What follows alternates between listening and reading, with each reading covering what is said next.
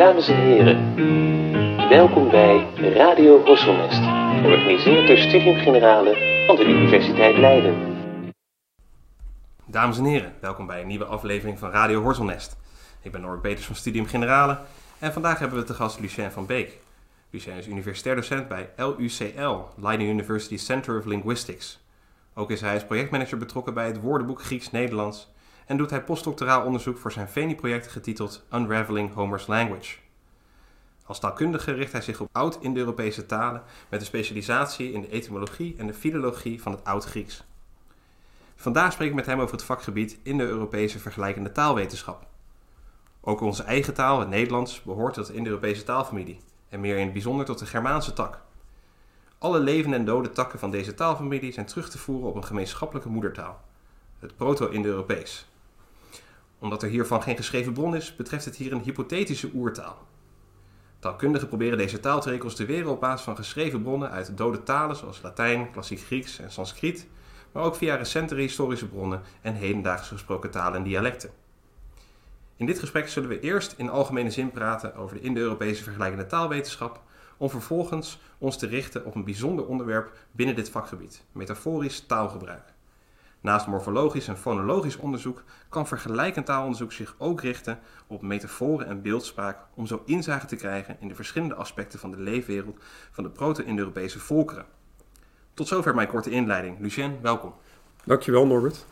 Eh, Mag ik meteen iets zeggen Ja, over het, eh, het project wat je noemde? Dat is inmiddels afgerond al eh, in eh, 2000. Het ontrafelen van ja, het ontrafelen Homerus van Homerus. taal. Ja, inderdaad. Misschien kan ik kort iets zeggen over Ja, wat ik graag. daar heb gedaan.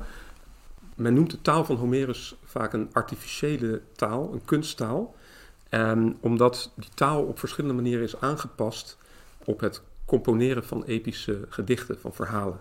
Ja. Ehm, en die, de dichters die die verhalen maakten, die moesten voldoen aan strenge eh, regels bij het bouwen van hun verzen. Dus Ja. eh, metriek. En om die verzen te bouwen gebruikten ze eigenlijk vormen uit verschillende dialecten van de taal. Ze gebruikten ook oudere vormen die al lang uitgestorven waren in, andere, in alle dialecten.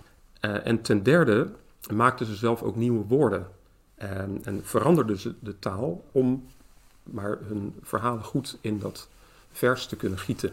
Ja. En waar ik eigenlijk onderzoek naar heb gedaan, is hoe dat precies gebeurde, dat aanpassen van de taal. Was dat iets dat die dichters zomaar lukraak konden doen of volgden ze bepaalde regels? Eh, dat laatste is natuurlijk eh, wel waarschijnlijk. Je kunt niet zomaar de taal naar je hand zetten eh, en tegelijkertijd begrijpelijk blijven voor je publiek. Ja. Dus eigenlijk ging het erover, wat waren nou de grenzen aan die kunstmatige taal van Homerus? Wat voor processen van taalverandering vind je? En dan kijk ik bijvoorbeeld naar, het, naar de manier waarop formules gevormd werden, maar ook naar de manier waarop klanken veranderen in die taal. Dus mijn hypothese was, die ik getoetst heb, dat net als in normale gesproken taal, dat de klanken van die kunsttaal die Homerus gebruikte ook geleidelijk eh, konden veranderen, aan verandering onderhevig waren. Ja. Dat is iets wat men normaal gesproken niet, eh, niet aanneemt voor, eh, voor zeg maar artificiële talen, zoals poëtische taal. ja. Ehm, maar ik denk dus dat dat, dat dat wel het geval was. En dat Kun je daar een voorbeeld van geven Ja. trouwens? Of is daar... nou, eh, misschien dat we het daar zo meteen over kunnen hebben, want we, we gaan het zo meteen, eh, denk ik, eerst hebben over eh, hoe taalverandering nou precies Ja. werkt. Ja. Maar ik denk dat we dat eerst even moeten Ja. bespreken. Maar je spreekt dan wel gelijk al over, dus, dus voor, mijn begrip, want je zegt dan inderdaad dichters. Dan moeten we eigenlijk dus begrijpen dat die, die epos, Ilias en de Odyssee, die is ook een keer opgeschreven. Ja. Maar daarvoor is die natuurlijk vooral iets wat door barden Ja, er waren zangers. die, eh, die niet alleen voordroegen, maar ook eh extempore, dus eh, live componeerden. En eh, dat, die, ze maakten gebruik van een taal die door een traditie is overgeleverd. En we weten eigenlijk op grond van nou, een heleboel aanwijzingen in die taal van Homerus, dat die traditie eeuwen oud is geweest. Dus minstens vier eeuwen oud. Waarschijnlijk zelfs ouder.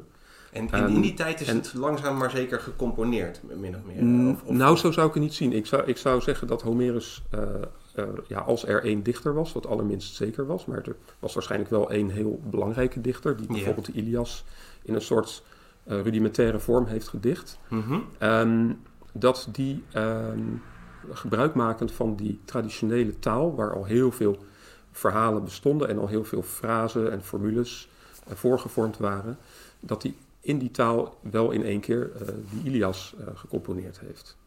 Maar die taal zelf heeft zich dus eeuwenlang ontwikkeld ja. tot een instrument dat dichters zoals Homerus in staat stelde om een groot episch gedicht te componeren. Ja. En dat ook live te doen, weliswaar met voorbereiding, maar dat, dat waren wel mensen die die gewoon hun instrument pakten en voor het publiek gingen staan. En, of zitten waarschijnlijk. En daar hun verhaal uh, gingen vertellen. Ja. zonder dat ze daar van schrift bij gebruik hoefden te maken. Er is overigens een groot debat over of Homerus misschien wel gebruik heeft gemaakt van schrift. Of dat, er een, dat hij dicteerde aan een amanuensis misschien. Um, maar daar, daar wil ik nu verder niet op ingaan. Nee, nee, nee, nee snap, um, snap. Het, het centrale punt is dat het een orale traditie was uh, voor hem en dat hij in die orale traditie staat nog. Ja, en ja. dat is het kunstmatige zit hem dus in. Je bent nou eenmaal gebonden aan rijm. Je moet het ook natuurlijk gewoon goed kunnen onthouden, omdat je het ook allemaal moet opzeggen. En daardoor ja. heb je. Nou, het is dus niet rijm overigens, maar uh, het, okay. het, het, metrum is eigenlijk een afwisseling van, van uh, lange en korte lettergrepen. Dus dat werkt anders dan het rijm bij ons. Ja. Uh, maar inderdaad, wat je zegt, het is heel belangrijk voor die dichters dat je een bepaalde regelmaat hebt, een bepaald ritme, een bepaalde ja, metriek dus. Dat is heel belangrijk voor het, uh, ja, het kunnen onthouden van manieren om uh, dingen te vertellen. Ja. Dus het, had, het, had ook een, het had dus een uh, mnemonische functie. Mm -hmm. um, het feit dat die traditie dus in, in dat strakke ritme werd vormgegeven.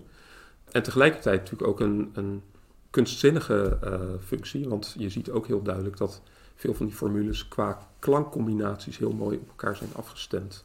Dus het lijkt er ook op dat ze die formules zo, zo nou, mooi mogelijk hebben. Ik wil, ik wil gaan gewoon weer vragen naar een voorbeeld. maar heb je daar een voorbeeld van? Van een bepaald iets wat vaak terugkomt? Wat, wat, wat inderdaad in, in, in... Ja, je vindt bijvoorbeeld bepaalde uh, verse formules waar, waar bepaalde stopklanken met elkaar uh, afwisselen. Dus uh, waar heel veel pus en pus in staan.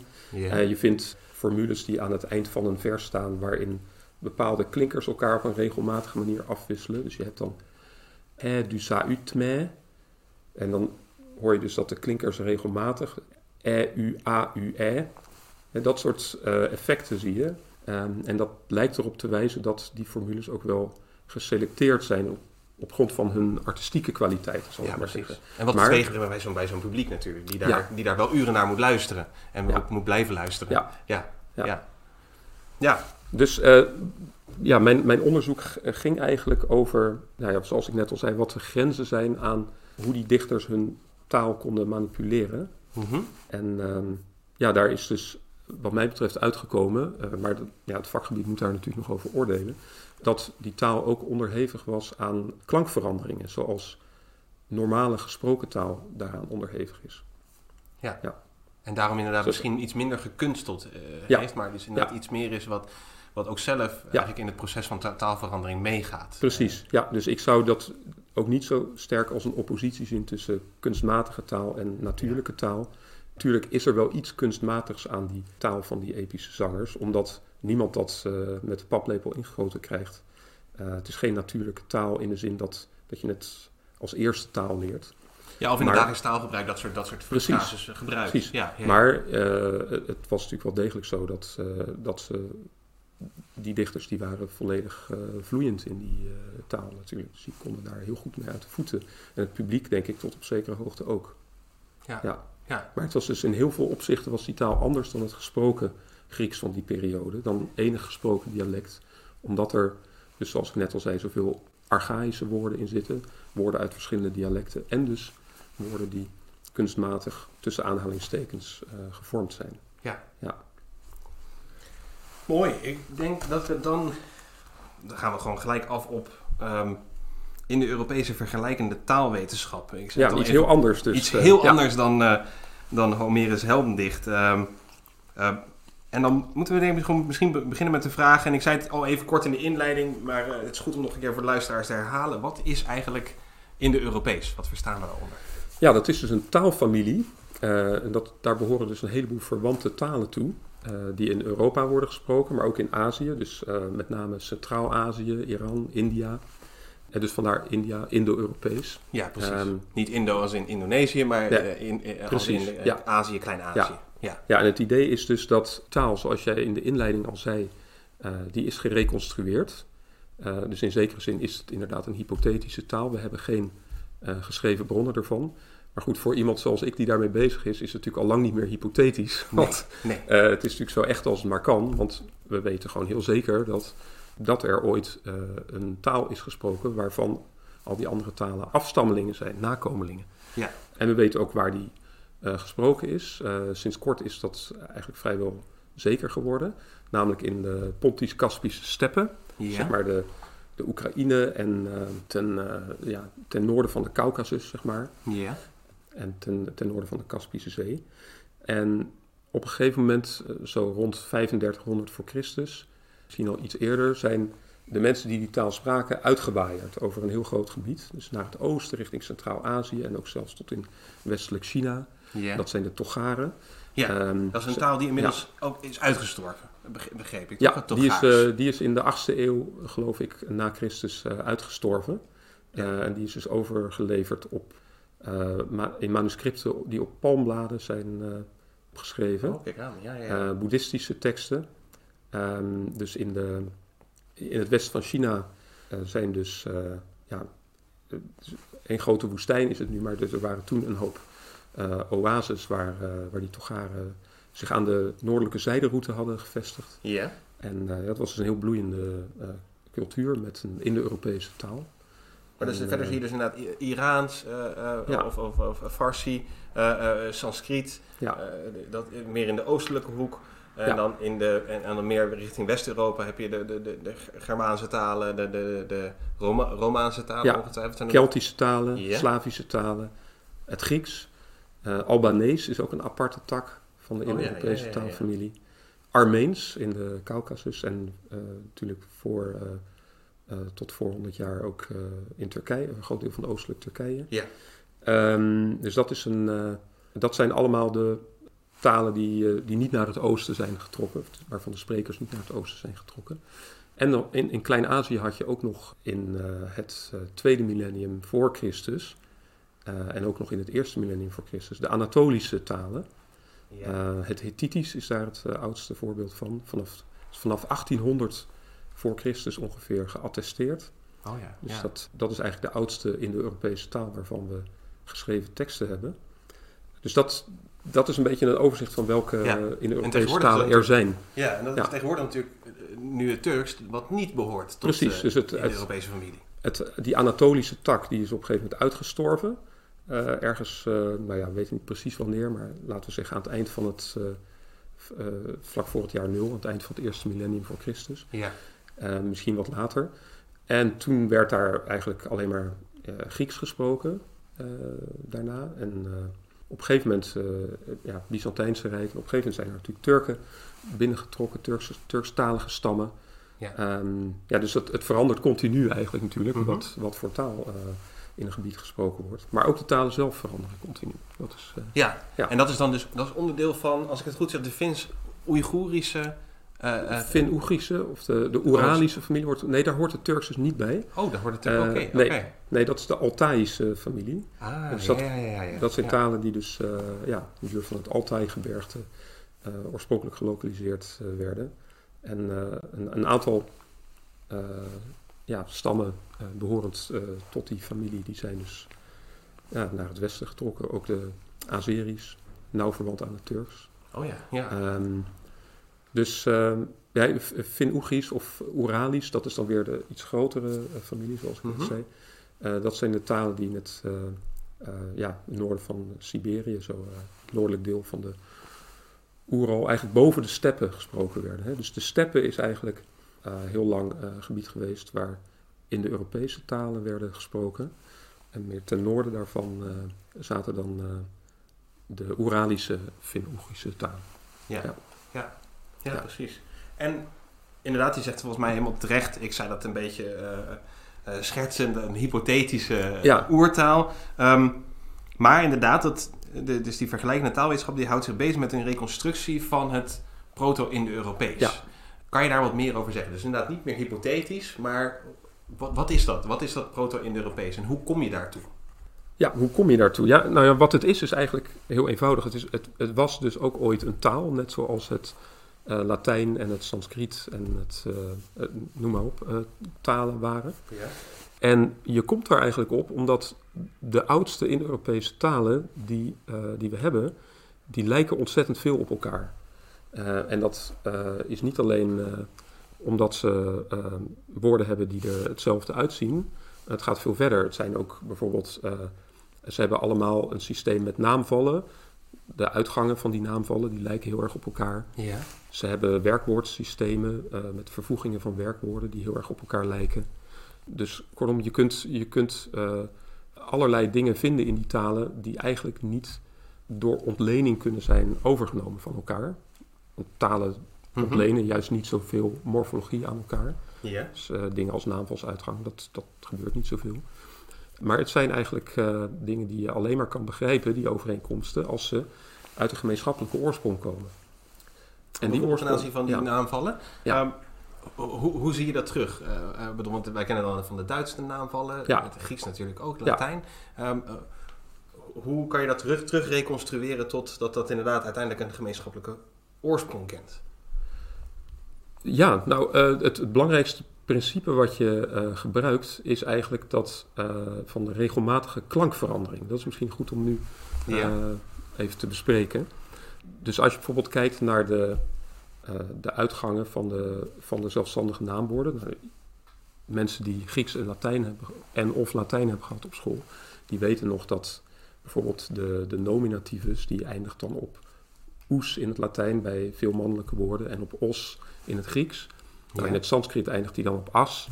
Ehm, en je kunt dus ehm, laten zien dat die verschillen, het lijkt natuurlijk op elkaar, want het eindigt allemaal op een S. Ja. De verschillen tussen die eh, eh, uitgangen, die zijn ontstaan door regelmatige klankverandering van die klinker daarvoor. Dus oorspronkelijk had je daar dus een O, dus de uitgang os was oorspronkelijk. Ja. In het Sanskriet is iedere O in, zo'n, in deze positie is in een A veranderd. Dus vandaar dat het as is geworden. En dat kun je dus niet alleen aan die naamvalsuitgang zien, maar ook aan gewoon een heleboel andere woorden, waarvan je ziet dat ze ook in andere Indo-Europese talen voorkomen. Dus dan krijg je regelmatige correspondenties tussen die talen. Ja, dus Tussen de klanken in die talen krijg je dus regelmatige ja. correspondenties. dat is dus een manier om die verwantschap eigenlijk te kunnen duiden. Of in ieder geval te kunnen... eh, Ja, om hem eh, hard te maken, zou ik zeggen. maken. Ja. Ja. Ja. Dus je, je ziet daar dus, eh, eh, eh, je ziet ook, je ziet de kla- klank verschuiven, je ziet klankveranderingen en je ziet dus dat bepaalde zaken op elkaar kunnen worden teruggevoerd. Kan je nog een voorbeeld geven van zo'n van zo'n klankverandering en hoe die, hoe die optreedt? Of hoe die, hoe die weerslag heeft in de taal? Ja, zeker. Ja, misschien is het goed om een voorbeeld uit de Germaanse talen te nemen, of uit het Nederlands en de talen die, die, die wij kennen. Ja. Ehm, je weet dat het woord voor, voor vader, dat weet, weet waarschijnlijk iedere luisteraar wel, dat in het Latijn is dat pater. Ja. Nou, in het Grieks is het ook pater, dat begint dus met een P. Ehm, in de Germaanse talen begint het woord voor vader met een, een eh, fricatief, zoals we dat noemen. Dus eh, met een, een, iets wat we met de letter F of V schrijven, dus f of v. Ehm, dus vader, vader, vata enzovoorts. Ja. Ehm, dus wat er gebeurd is, is dat de, die P in het Grieks en het Latijn, en die was er dus ook in het Proto-Indo-Europees al, Mhm. Ehm, dat noemen we een occlusief. Dus dat is een klank die, eh, waar, ja, waarbij je de stroom van lucht uit je mond eh, even volledig afsluit als je hem articuleert. Ja. Dus p, dan moet je dus even je lippen helemaal sluiten om die klank te produceren. Ja, ja, ja. Ehm, die klank is eh, veranderd in een fricatief. Die produceer je ook door je lippen dicht tegen elkaar te houden. Of eigenlijk door je, in het Nederlands, door je eh, bovenlip tegen je, eh, zeg ik het goed, je onderlip tegen je boventanden te houden. Ja. Ehm, maar dat is dus niet meer een volledige afsluiting. Ehm, dus daardoor, ja, doordat er iets in de articulatie verandert, eh, ja, verandert dus die klank van een P in een, in een F of een V. Ja, waardoor je ook dus niet inderdaad dat bij de P heb je natuurlijk inderdaad dat de dat Ja. ook een, in, één- in één keer een, eh, en, en, en de, de, de Ja. lucht komt er in één keer uit. Ja, hoor. plosief noemen we dat plosief, ja, ja, ja. Ja. En, bij het andere inderdaad, dan eh, krijg je dat geleidelijker. Ehm, Ja. Precies. Dus dat, het idee is dus dat die klankveranderingen volstrekt eh, regelmatig optraden. En in veel gevallen, niet altijd, maar in veel gevallen ook ja, zo geleidelijk dat het misschien niet eens hoorbaar was voor sprekers. Terwijl het gebeurde. Eh, vooral bij klinkerveranderingen Mhm. heb je dat. Het kan zo geleidelijk gaan dat je dat gewoon niet, eh, niet eens merkt. Eh, wij horen dat nu bijvoorbeeld wel. Hè, als we dan een polygoonjournaal bekijken of, of luisteren, Ja. vlak na de oorlog. Ja, dan hoor je dat de klinkers toch wat anders worden uitgesproken dan, dan wij Ja, gewend zijn. Ja, ja zeker. Eh, maar als je datzelfde in de jaren 60 eh, had beluisterd, dan had je dat misschien niet gehoord. ja, dan was het je niet zo opgevallen.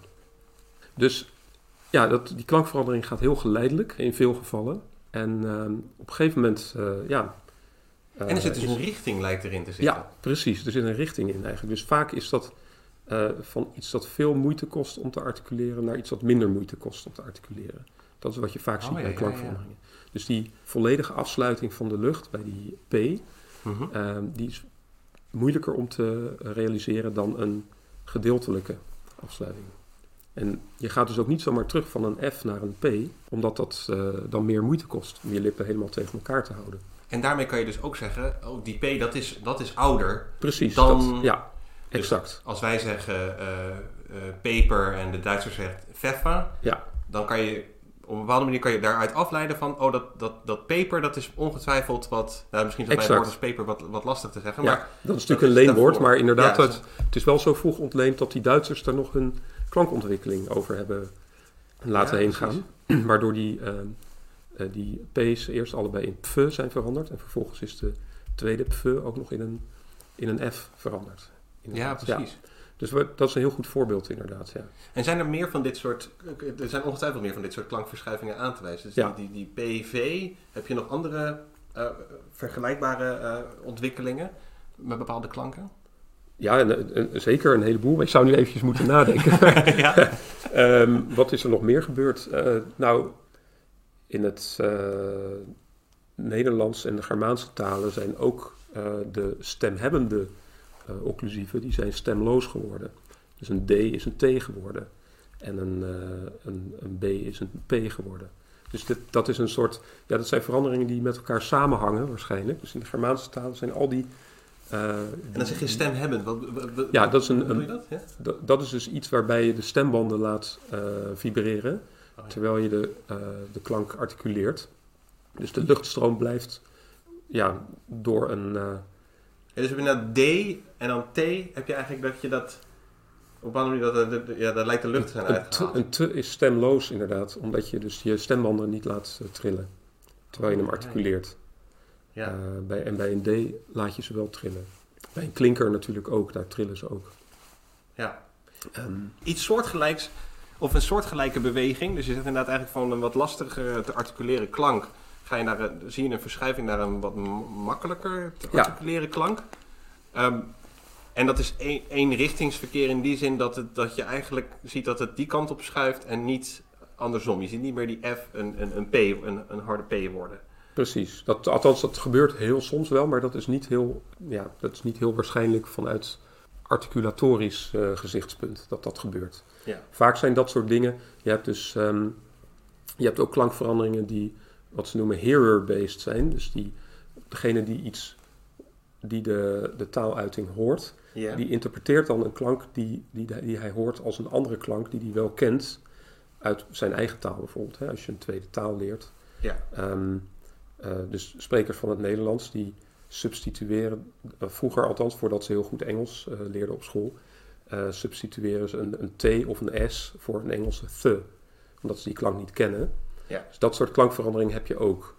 Ik weet nog dat Ehm, mijn Engels leraar dan ook inderdaad zei, je moet dat voor die the, moet je ook je, moet je heel zorgvuldig je Ja. tong en op je, op je Ja. gehemelte, of zo, of, ja. Ja. zo ten aanzien van je tanden plaatsen, dat je dus een heel kleine ruimte laat waar, het, waar de lucht doorheen kan. Ja, Ik weet dat hij dat nog anatomisch op het bord tekende, wat je dan Ja. moet doen eh, in, in je nou, mond. dat ging vroeger natuurlijk nog veel meer fout dan nu. Ja, dat, ja, ja. eh, want de generatie van onze ouders die is daar wat minder goed in nog. Toch? Ja. Ja. Dan hoor je dat, hoor je dat heel duidelijk Ja. inderdaad. Dat hoor je heel duidelijk, dat, dat, eh, dat, dat, dat Nederlands. En je zei in het, in het voorgesprek dat je eigenlijk een soortgelijke beweging ziet ten aanzien van naamvallen. En dan met name het aantal naamvallen. Dat je kan zien dat je, dat je in het Indo-Europees eigenlijk begint met een veel grotere verzameling aan naamvallen. En dat dat geleidelijk afneemt. Ja, dat is wel. Dat, dat vind je inderdaad vaak. Je hebt ook wel dat er naamvallen bij komen trouwens hoor. Maar ehm, er is eigenlijk een beweging van ehm, het, uitdrukking, het uitdrukken van de relaties tussen zinsdelen. Mhm. Dat is eigenlijk wat naamvallen doen. Hè? Dus je, door iets in een accusatief te zetten in het Latijn of in het Duits, geef je aan dat het het leidend voorwerp is, bijvoorbeeld, van een zin. Of dat het bij een voorzetsel staat dat richting aangeeft. Mhm. Dus eh, in den Gaten is een accusatief, dus de tuin in, geeft Ja. een richting aan. Dat zijn relaties eh, die eh, syntactisch van aard zijn eh, in veel gevallen. Bijvoorbeeld een leidend voorwerp is syntactisch. Dat geeft eh, aan dat het zinsdeel in bepaalde verhouding staat tot het werkwoord en tot het onderwerp. Mhm. En veel talen gaan er eigenlijk op over dat ze dat soort relaties liever met andere middelen gaan uitdrukken dan met naamvallen. Bijvoorbeeld met woordvolgorde doen wij dat in het Nederlands natuurlijk. Ja. Dus je ziet een beweging in veel eh, in Europese talen dat die naamvallen eruit gaan. Dat komt natuurlijk waarschijnlijk uiteindelijk ook doordat op een gegeven moment hè, als sprekers van een taal migreren en in een nieuw gebied terechtkomen, dan zijn er ook veel mensen die die taal niet als eerste taal spreken en die moeten dat dan leren. Dus die, eh, die gebruiken dan liever andere middelen die ze uit hun eigen taal kennen om dezelfde dingen te, Ja, eh, ja, te markeren. Ja. Maar Inderdaad, in het dus- Nederlands zie je dan wel archa in archaïsche Ja. vormen zie je wel nog wat van het naamvalgebruik terug. Bijvoorbeeld in een woord als eh, dichter des vaderlands of iets Ja. dergelijks of zo, dan zie je nog iets, Ja. dan zie je nog iets eigenlijk terug van die naamvallen. Maar die zijn eigenlijk inmiddels allemaal komen te vervallen. Ehm, of Ja. in ieder geval, Ja, en, en soms worden ze nog wel eh, productief gebruikt door mensen, maar dan zie je ook dat er fouten gemaakt worden. Dat je dan zegt, eh, dat is niet des moeders of zo, terwijl moeder Ah. natuurlijk een vrouwelijk woord is. Oh, terwijl ja, ja. des oorspronkelijk eh, Ja, ja, juist mannelijk, mannelijk en onzijdig eh, is. Ja. Ja. Ja, grappig. En je ziet nog af en toe ook, dat las ik dan, een, een, eh, eh, eh, eh, naamvallen die zelfs het Duits niet kennen, des te beter. Dan is, dit, dan is dat niet een, ehm, een, een, een Ja, dat zou ik moeten, dat weet ik niet uit mijn hoofd, maar dat heeft het Duits ook, hè? desto besser kun je ook zeggen. Ja, ik las dat Ehm. het een, eh, dat het een naamval was, maar ik ben nu even kwijt wat, wat voor naamval het was. Volgens mij iets in een richt... ehm, want je hebt, je hebt natuurlijk in, in het Duits heb je er vier, in het, in het Latijn heb je er... Vijf. Ja? Ja. Met, ja, de vocatief en de ablatief, of ja? Ja, ja. je mag, als je de vocativus meetelt, dan heb je er zes inderdaad. Maar de vocativus is vaak voor heel veel soorten woordverbuigingen is die hetzelfde als de nominatief. Hè? Oh, ja, ja, Dus ja, maar dus de- het Latijn heeft nog de ablativus erbij. Ja? Het Grieks heeft die weer niet. Die heeft eigenlijk, het Grieks heeft hetzelfde systeem als het Duits. Maar veel Slavische talen eh, hebben nog zes naamvallen. Oh ja, ja, ja. Eh, die hebben dus ook nog een instrumentalis erbij. En het Litouws heeft, ehm, moet ik het even goed zeggen. Nee, nou, ik zou dit even. Ja, In ieder geval, het, het, Proto-Indo-Europees had er acht. En het eh Sanskriet heeft die alle acht bewaard. Ja. ja. Er zat ook nog een ablativus bij. dat- Wat oorspronkelijk iets anders was dan een genitivus. Oh ja, ja, ja. Ja. ja, ja. En een locativus heb je dan ook nog. Ja, ja. Oh ja, nog een locatief. En, en- en- ja, voor mijn begrip hoor, instrumentalis, locativus, ablatiefs. Ik bedoel, Het zijn Ja. mij allemaal. De ablatiefs weet ik nog heel lang geleden. Latijn, klein Ja. beetje, maar... Ja. Maar eh, maar, eh, wat is duidelijk, wat is duidelijk hoe, hoe geeft dat betekenis eh, aan, aan de zin? Of voert dat, voert dat nu wat te ver om daar... dit moet ook niet, misschien niet geen grammatica les worden, maar... Nee, precies. Ehm, nou, die naamvallen zijn vaak eh, een soort verzamelingen van verschillende functies. Hè? Dus de ablativus duidt dus aan waar iets vandaan komt, maar het kan ook het instrument waarmee iets gedaan wordt eh, aanduiden. Ehm, dus bijvoorbeeld, eh, hij doodde de vijand met een speer of zo. Dan Ja, het met een zwaard speer. waarmee ik hem... Met het zwaard, ja. Dus eh, ook die ablativus is weer een soort amalgaam van verschillende naamvalsfuncties in het Latijn. Mm. Ehm, dus dat is heel lastig te zeggen, maar de oorspronkelijke functie van de ablativus is dus dat de beweging ergens vandaan eh, aanduidt. Ja. Dus weg ergens van. Maar je ziet dus inderdaad eigenlijk een, een, of op een bepaalde manier zie je een richting, zowel dus in het afvallen van die naamvallen, wat jij ook verbindt inderdaad aan het, aan het migreren van die, vol, eh, van die volkeren, evenals die klankverschuivingen zie je ook inderdaad een soort van, van complex, complexer naar Ja. simpel. Daar zit, ook een, daar zit ook een bepaalde richting in, zou je kunnen zeggen. Eh, hoewel die richting niet per se, wat ik in het begin ook al zei, niet per se richting minder naamvallen zou moeten gaan. Je hebt ook talen die er nieuwe naamvallen bij krijgen door bepaalde achtervoegsels uh, aan woorden te plakken, die mogelijk voorzetsels zijn. En dat verandert dan weer tot een soort naamvalsmarkering. Dus Ja. dat, dat kun je Oké. ook hebben. Maar in ieder geval, het punt is, die, die ehm, morfologische veranderingen, Mhm. die kun je eigenlijk ook vrij goed reconstrueren. Dus we hebben het nu gehad over fonologische Ja. verandering, klankverandering, en morfologische veranderingen. En want morfologie is eigenlijk heel, dat is misschien ook wel goed om even te vertellen. Zeker. Morfologie is ehm, belangrijk ook voor, voor waar we het zo meteen over gaan hebben. Het is namelijk de manier waarop je ehm, eh, nieuwe woorden maakt. Je hebt, eh, in veel talen heb je, ehm, ja, je kunt dat met een algemene term kun je dat affixen noemen, maar het kunnen dus prefixen, voorvoegsels zijn, of Mhm. suffixen, achtervoegsels. Ehm, die plak je aan eh, bestaande eh, stammen of woordvormen vast. Mhm. Ehm, en daarmee maak je nieuwe woorden. Bijvoorbeeld, je kunt met het, het achtervoegsel er in het Nederlands, kun je de persoon of de entiteit die een handeling uitvoert eh, aangeven. Dus van het woord dichten kun je dichter maken. Ja. Ehm, en nou ja, goed, dat, zo kun je ook een heleboel nieuwe woorden nog vormen als je dat zou willen. Mhm. Dus dat is een productief achtervoegsel, het achtervoegsel er. En natuurlijk met En- voorvoegsels heb je dat ook. eh, een mis of, of een Ja. on. Precies. Als je dan Ja. dat toevoegt aan iets, of zo, dan krijg je Ja. van weer, onweer, of eh, van baksel, misbaksel, of, of, of noem maar wat. Ja. Ja, baksel is nou niet een woord dat ik Nee? in mijn... eh, ja, Nee, dat hoor ik ook nooit Ja. meer. nee. Nee, maar ehm, eh, ja, je, je- je, je kunt dus, eh, en de Indo-Europese talen waren daar heel erg goed in, eh, met van die voorvoegsels of achtervoegsels nieuwe woorden maken. En dat is ook eh, heel vaak een uitdaging voor als je de etymologie van een woord, hè, de herkomst waar het vandaan komt, probeert te achterhalen. Ja. Dat je eh, eigenlijk een soort versteende morfologie ziet uit een ouder stadium van de taal. Dus eh, dan, eh, voor sprekers zijn die woorden dan niet meer analyseerbaar. Maar als je er vanuit het gezichtspunt naar kijkt eh, van een vergelijkende taalwetenschapper, dan zie je, oh, bijvoorbeeld in het Sanskriet heb je dat achtervoegsel nog wel en daar heeft het die en die functie. Dus dan is dit woord oorspronkelijk ook met datzelfde achtervoegsel gevormd dat je in het Sanskriet nog hebt. Ja. Ehm, bijvoorbeeld het woord vader, Ja, daar zien wij niet meer van dat het dat der van vader, dat dat het oude eh, achtervoegsel is dat eh, de agens maakt van een werkwoord. Oh ja, ja, ja. Dus eh, de waarschijnlijkste etymologie van het woord voor vader is dus dat het van een werkwoord is afgeleid, het werkwoord pech. Zo reconstrueren we dat. Ja. PE laryngaal 2. Ehm, en dat betekent hoeden of ja, opzichter spelen, bewaken, dat soort dingen. Oh ja, ja, Eh, ja. in de gaten houden. En de, En de, dus de vader is dus letterlijk de hoeder of de bewaker van het, nou ja, je zou kunnen zeggen van het gezin, van de familie. En dat is dus die wortel pug met eh, het achtervoegsel ter. Maar in het Nederlands is dat achtervoegsel ter, dat is niks meer. Je kunt dat niet meer analyseren. In het Proto-Indo-Europees en ook nog in het Sanskriet en in het Grieks en het Latijn heb je nog wel dat achtervoegsel ter of tor.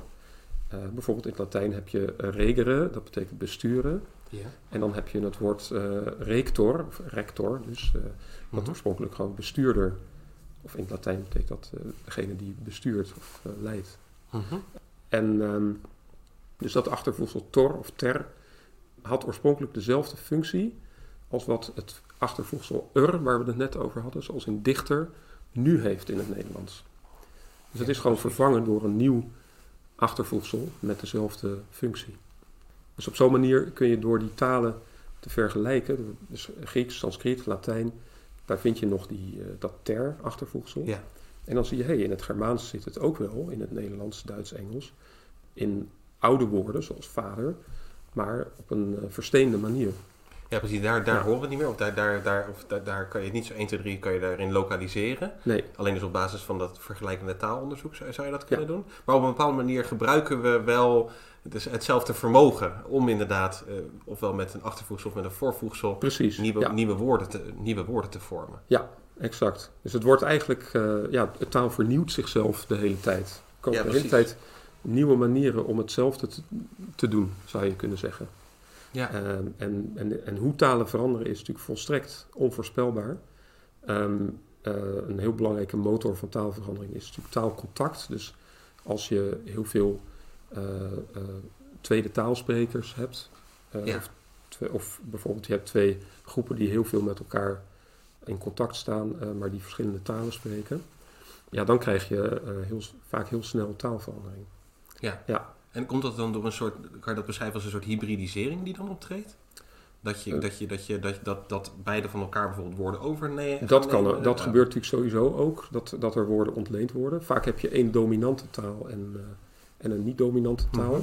Dus dat, ja, de, als, als je dat hebt, dan spreek je van een, een superstraat, dat is de dominante taal. En een substraat, dat is Ja. de taal die veel verandering ondergaat onder invloed van die dominante taal.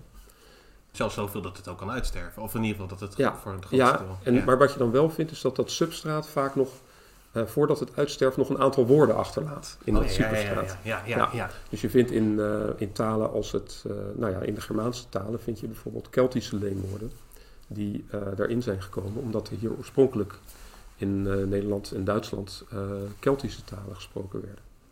Ja, precies. Ja. En, en dat zijn natuurlijk alle twee i- i- Indo-Europese eh, Ja. eh, eh, talen. Maar dat geldt natuurlijk ook voor inderdaad überhaupt die Indo-Europese volkeren die zich gaan verspreiden door Europa, Klein-Azië, Azië. Dat die natuurlijk in gebieden komen die al lang bewoond worden. Precies. Waar ja. er al ook al lang een taal, Ja. eh, waar al lang, al lang sprake is van een taal. Ja.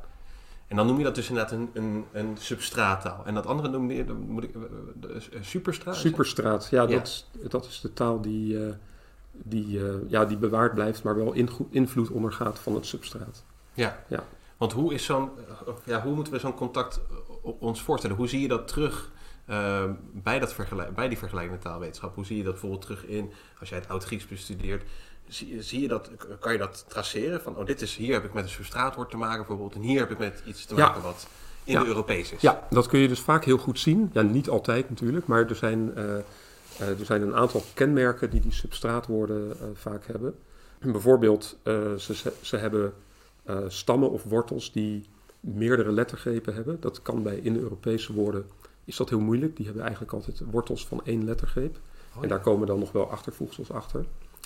Vaak kun je dan die achtervoegsels ja, goed analyseren door vergelijking met verwanten in de Europese talen. Maar zodra dat soort analyses heel moeilijk worden, eh, morfologische analyses, dan eh, is het heel waarschijnlijk dat je met substraatwoorden te maken hebt. Ehm, en er zijn ook ehm, bepaalde achtervoegsels die juist vaak op die substraatwoorden weer voorkomen. Eh, bijvoorbeeld het suffix, eh, het achtervoegsel intos in Griekse plaatsnamen, zoals Corinthos, het woord, de plaatsnaam Corinthe. Ja. En je hebt ook Zakynthos, woord- ja, ja. Zakynthos. En je hebt woorden voor flora en fauna, zoals bijvoorbeeld eh Huakinthos, het woord voor hyacint. Dat zijn allemaal woorden die uit die substraattaal eh, komen. Ehm, en vaak zie je ook dat dat soort woorden bepaalde betekenisvelden afdekken. Hè. Wat ik net zei, flora en fauna is heel typisch Ja. omdat dat natuurlijk iets is van een bepaalde regio. Hè, dus in de eh, steppen ten noorden van de Zwarte en de Kaspische Zee had je geen hyacinten natuurlijk. Ja. Eh, maar toen die sprekers Griekenland binnentrokken, toen kwamen ze die hyacinten wel tegen en namen ze het woord ervoor over van de eh, lokale bevolking. Ja, ja, ja, tuurlijk. Ja. En die hebben natuurlijk heel lang naast elkaar eh, geleefd. Ehm, het is niet bekend wanneer precies die Grieken in Griekenland zijn gekomen. Maar ja, ik vermoed zelf ergens aan het begin van het tweede millennium voor Christus. Dus zeg maar pakweg 1700 of zo. Mhm. En, ehm, eh, Praat je nog over die Mycenen trouwens, of is dat weer een hele ja, groep? ja, dus de, eh, eh, de Myceense eh, cultuur, dat is eigenlijk de, de- de- ja, dat zijn eigenlijk de, de eerste eh, die Griekenland binnentrokken en daar de boel over hebben genomen van de Minoërs. Mhm. Dat is, we hebben die taal, het Myceens, op eh, kleitabletten vanaf rond 1400 voor Christus. Eh, maar je kunt zien dat ze er toen al even zaten, dus vandaar dat ik 1700 zei, net als schatting. Ja. Dus dan praat je wat ook over li- lineair A en B. Dat moeten we dat zijn Ja. dit, dat zijn al.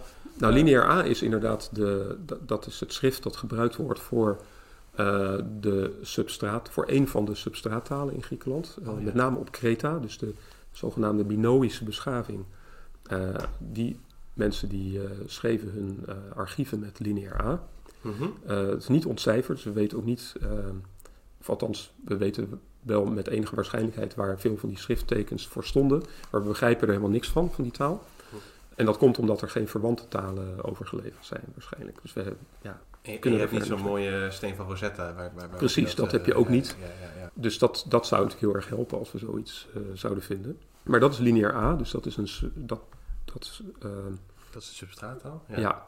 En ehm lineair B schrijft eh, Grieks. Dat, is een vorm, eh, dat, is, dat noteert de vroegste vorm van Grieks die, eh, eh, die we hebben. Dus vanaf rond 1400, zoals ik al zei. Ja, je had het inderdaad over dat er dus... Je komt als zo'n volk binnen en, en inderdaad bijvoorbeeld qua flora en fauna... Maar ik kan me ook inderdaad voorstellen qua eventuele andere landschapselementen... Of, of, of andere zaken die gewoon nieuw zijn voor deze, voor deze volkeren. Ja. Dat je dan veel vlugger je toevlucht zoekt bij zo'n leenwoord... eh, Ja. om het te kunnen duiden. Ja, precies. Ja, dit is ook, dat is ook een mooi bruggetje naar waar we het zo meteen over gaan hebben. Want de vraag is dus wat voor motieven hebben sprekers om woorden te gebruiken, om nieuwe woorden te vormen of om woorden over te nemen van anderen. Nou, in het geval van flora en fauna is het heel duidelijk dat ja, als je dat plantje niet kent en je hoort iemand het zo noemen, ja, dan neem je dat gewoon over. Mhm.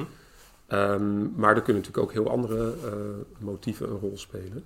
Eh, bijvoorbeeld sociaal prestige, dat heb je bij dat substraat en superstraat heel sterk. Hè. Dus waarschijnlijk is het zo geweest dat al die, eh, zeg maar even tussen aanhalingstekens, oorspronkelijkere bewoners van eh, Griekenland, dat die op een gegeven moment Grieks zijn gaan spreken. Omdat dat meer prestige had of omdat de, de machthebbers Grieks spraken enzovoorts. Vandaag de dag proberen wij onze taal met een hoop Engelse woorden te lar- larderen, zal ik maar zeggen. Eh, vooral als je het hebt over, ja, als je in een werkcontext of zo, met eh, Zeker. C- CEO's en eh, nou ja, Blackboard en gaat zo Blackboard, door. ja. ja, ja, ja, dus en HR in plaats van, hoe heet het vroeger, PNO? Ja, Ja, ja, ja, ja, ja. Ja. Dus ja, nee, dat, dat kunnen ook motieven zijn om, om nieuwe woorden te gaan gebruiken of over te nemen. Ehm, maar waar, het, waar ik het zo meteen ook over wilde gaan hebben, is over eh, metaforen eh, als middel om dingen te beschrijven die eigenlijk niet zo goed direct toegankelijk zijn. Om meer abstracte begrippen of ervaringen te duiden in Mhm. termen van eh, dingen die meer alledaags of meer concreet zijn. Oh, ja, ja. Ja. Ja, daar gaan we dat, dat is goed om daar zo meteen, of daar gaan we zeker zo meteen over praten. Ik wil nog even ten aanzien van, van die sub- substraattalen en die, die superstraattalen, daar zie je dus inderdaad dat daar, nou ja, er zijn verschillende motieven die daarin te grondslag liggen waarom de ene taal het aflegt ten opzichte van, van de andere taal. En ook verschillende motieven in waarom er bepaalde woorden wel worden overgenomen. En andere woorden juist eh, eh, verdwijnen. Is de- zie je dit ook, ik bedoel nog even, buiten dit is natuurlijk specifiek dan op, op, op, op, eh, op Griekenland. Ehm, maar dat zie je natuurlijk ook op andere plekken in Europa. Ja, dus bijvoorbeeld het Baskisch, dat zou dan niet een... Of dat wordt dan vaak Ja, gezegd, dat is geen Europese taal, Europese nee. taal. Nee. Eh, ingeklemd tussen een hele hoop andere wel Europese... eh, Misschien vraag ik iets wat je, waar, waar je helemaal niet... eh, of, of tenminste, waar je, dat niet in jouw specialisatie ligt. Maar is er, hoe, hoe zijn ze er überhaupt achter gekomen? Dat dat, dat, dat Baskisch dat het op een of andere manier niet past in, die, in de Europese taalfamilie. Nou ja, eigenlijk heel simpel, omdat het niet past. Je, je hebt, het, het, het is zo totaal anders. Het, het, de, de morfologie werkt heel anders. Dus ze hebben een heel ander eh, systeem van eh, werkwoorden. Ze hebben ja, een heel ander soort naamvalsysteem. Er zijn geen, geen woorden die eh, lijken op woorden in, in Europese talen, behalve woorden die ze hebben ontleend aan het Spaans of het Frans. Oh, ja, ja, ja, ja. Dus nee, dat, is eigenlijk heel, dat kun je gewoon heel direct zien ja. als je ja. die taal gaat leren. En wat je inderdaad zegt over die prestige, je moest ook meteen denken aan eh, de tijd van eh, Prins Maurits, dat Nederland eh probeert zich te verweren tegen het Spaanse Rijk. Dat je dan op een gegeven moment ook zo'n impuls krijgt om allerlei leenwoorden uit het Latijn, om dat allemaal te gaan vervangen voor Ja. Nederlandse woorden. Ja. Mathematica wordt wiskunde, Ja. sterrenkunde. Ja, en wat de Vlamingen natuurlijk ook hebben ten opzichte van het Frans, dat ze ook vaak Nederlandse woorden gecreëerd hebben, om, maar niet het Franse woord. Op, op, een, ja, op een recenter tijds. En daar Ja. zie je dus ook eigenlijk iets van die inventiviteit van die taal Ja. en- ook van die, van, die, van die taalgroep. Want inderdaad, aan het begin leek het misschien inderdaad een klein beetje dat we van complexe eh, taalvormen naar wat meer simplistische Ja. eh, eh, taalvormen gaan. Maar dit laat eigenlijk een, een juist een, dit, dit brengt eigenlijk juist, geeft juist een complexe draai eraan. Ja, namelijk, je ziet ook Zeker. een Dus het is enorm genererend vermogen van zo'n taal. Ja, het is dus helemaal niet zo dat het alleen maar één grote vervalsgeschiedenis is of zo. Van verlies van naamvallen. En dat het eh, Grieks en het Latijn en het Sanskriet alles perfect konden doen. En dat wij dat niet meer hebben. Dat slaat allemaal nergens op dat beeld. Ja. En dat denkt natuurlijk ook niemand meer.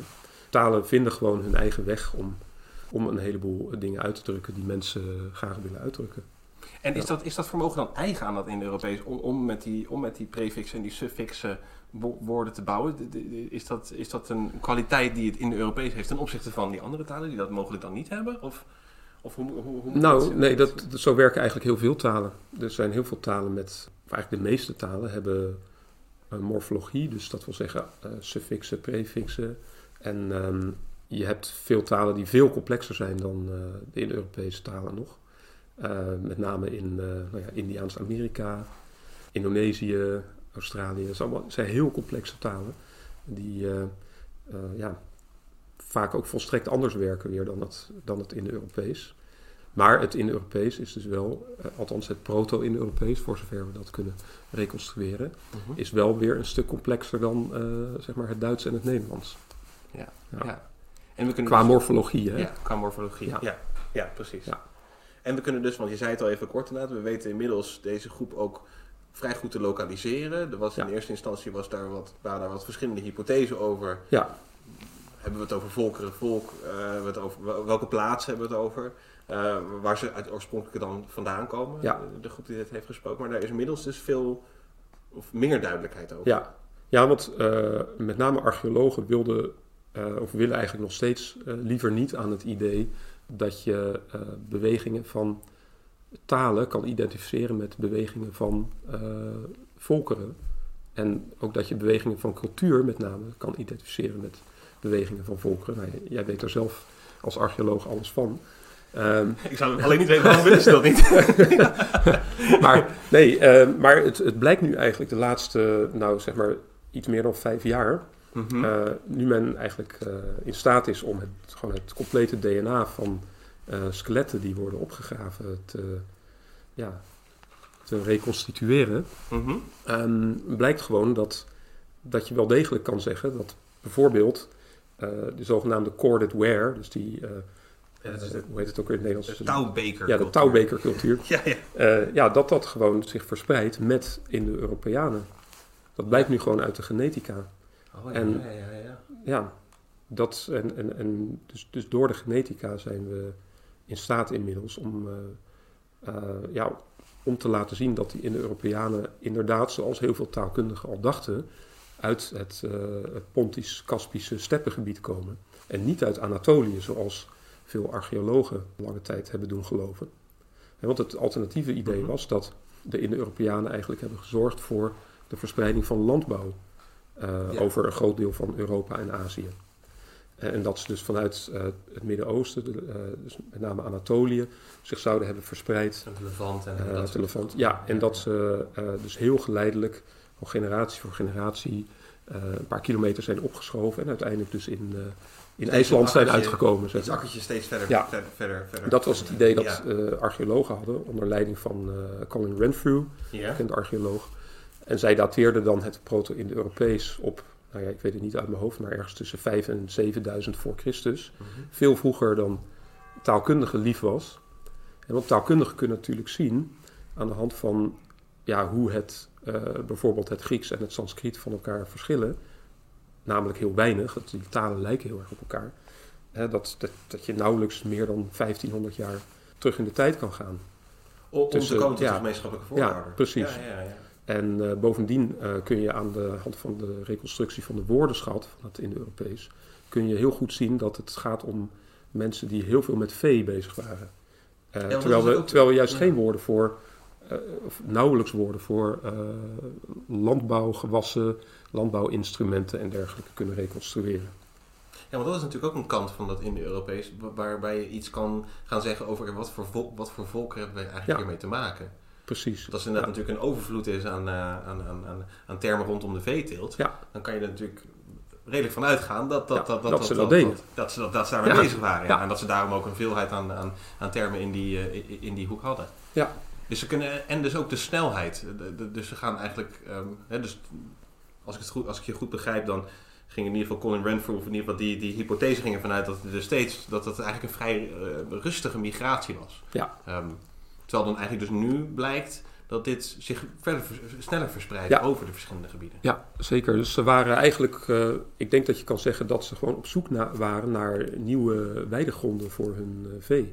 En mijn collega Guus Kronen eh, bij LUCL, die heeft een IRC-project over, nou ja, onder andere de invloed van substraattalen op de talen van Europa. En hij wil proberen te laten zien dat, daar, dat heel veel landbouwterminologie dus uit substraattalen komt. Oh, ja, ja, ja, Maar hij zegt dus dat wat je eigenlijk kan zien, hij zit ook heel erg in de eh, archeologie en de genetica. En je kunt eigenlijk zien dat eh, grote delen van zeg maar, Noordwest-Europa op een gegeven moment zijn platgebrand. En dat moet natuurlijk gewoon geweest zijn om eh weidegrond te maken. Dus Ja. dat is gewoon een soort ecologische ramp heeft zich hier voltrokken. Het is een typisch Nederlandse landschap met Mhm. eh, mooie polders eh, vol met eh Fries stamboekvee erin. Ja, Ja, dat is eigenlijk het gevolg van een soort, ja, ja, het platbranden van alle bossen die hier waren Ja. om weidegrond te maken. En dat is dus wat die Indo-Europeanen hebben gedaan toen ze hier kwamen. Wat je ook natuurlijk bijvoorbeeld ziet inderdaad in de Schotse hooglanden. Ja. Helemaal eh kaalgevroten bergen in feite door eh, de verschillende, Ja, het verschillende vee wat daar wordt, Ja. wordt gehouden. Met nog een plukje, een plukje hier en een plukje daar Ja. aan, eh, aan, aan, aan, aan, aan wat bos. Ja, jij stuurde mij nog, nog, nog voor het gesprek ehm, ook een hele interessante gedachte op waarin, waarin dat vee, die gedachte inderdaad dat het is inderdaad een, een veehoudend volk moet zijn geweest. Ook, ook, dat daar ook aanwijzingen voor zijn in de taal. Ja. Ik ben eventjes aan het zoeken naar mijn, aantekeningen, maar hoe ik het zo 1, 2, 3 kan terugvinden. ja ik zei net al dat, die, ehm, ehm, dat er heel veel woorden zijn die je gewoon kan reconstrueren Ja. die betrekking hebben op de veehouderij. Dus we kunnen bijvoorbeeld een woord voor kaas of zoiets kunnen we reconstrueren. Zelfs een woord voor karnemelk. En Oh ja, ja. dat soort, dat, is, ja, dat, dat, dat wijst natuurlijk heel sterk op dat je, dat je met zo'n volk te maken hebt dat veel met dieren deed. Mhm. Terwijl de meest eh, ja, elementaire landbouwgewassen, daar hebben we al moeite voor om ze te reconstrueren. Bijvoorbeeld graan of tarwe.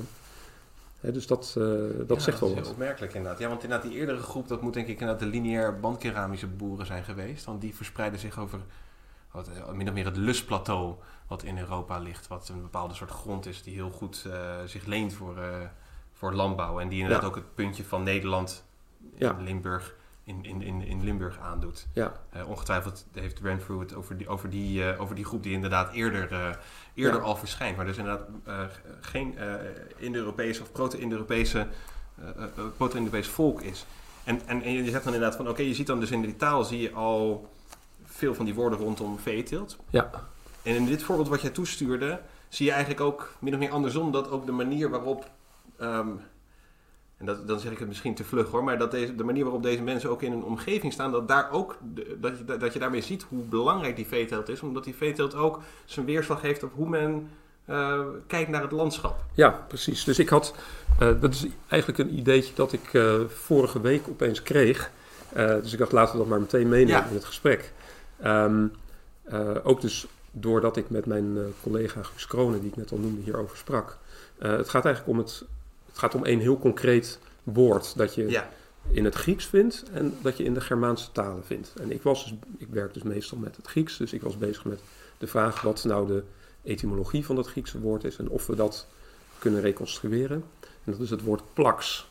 En dat is een, ja, het klinkt heel plat, maar dat is gewoon een woord voor vlakte of voor oppervlak.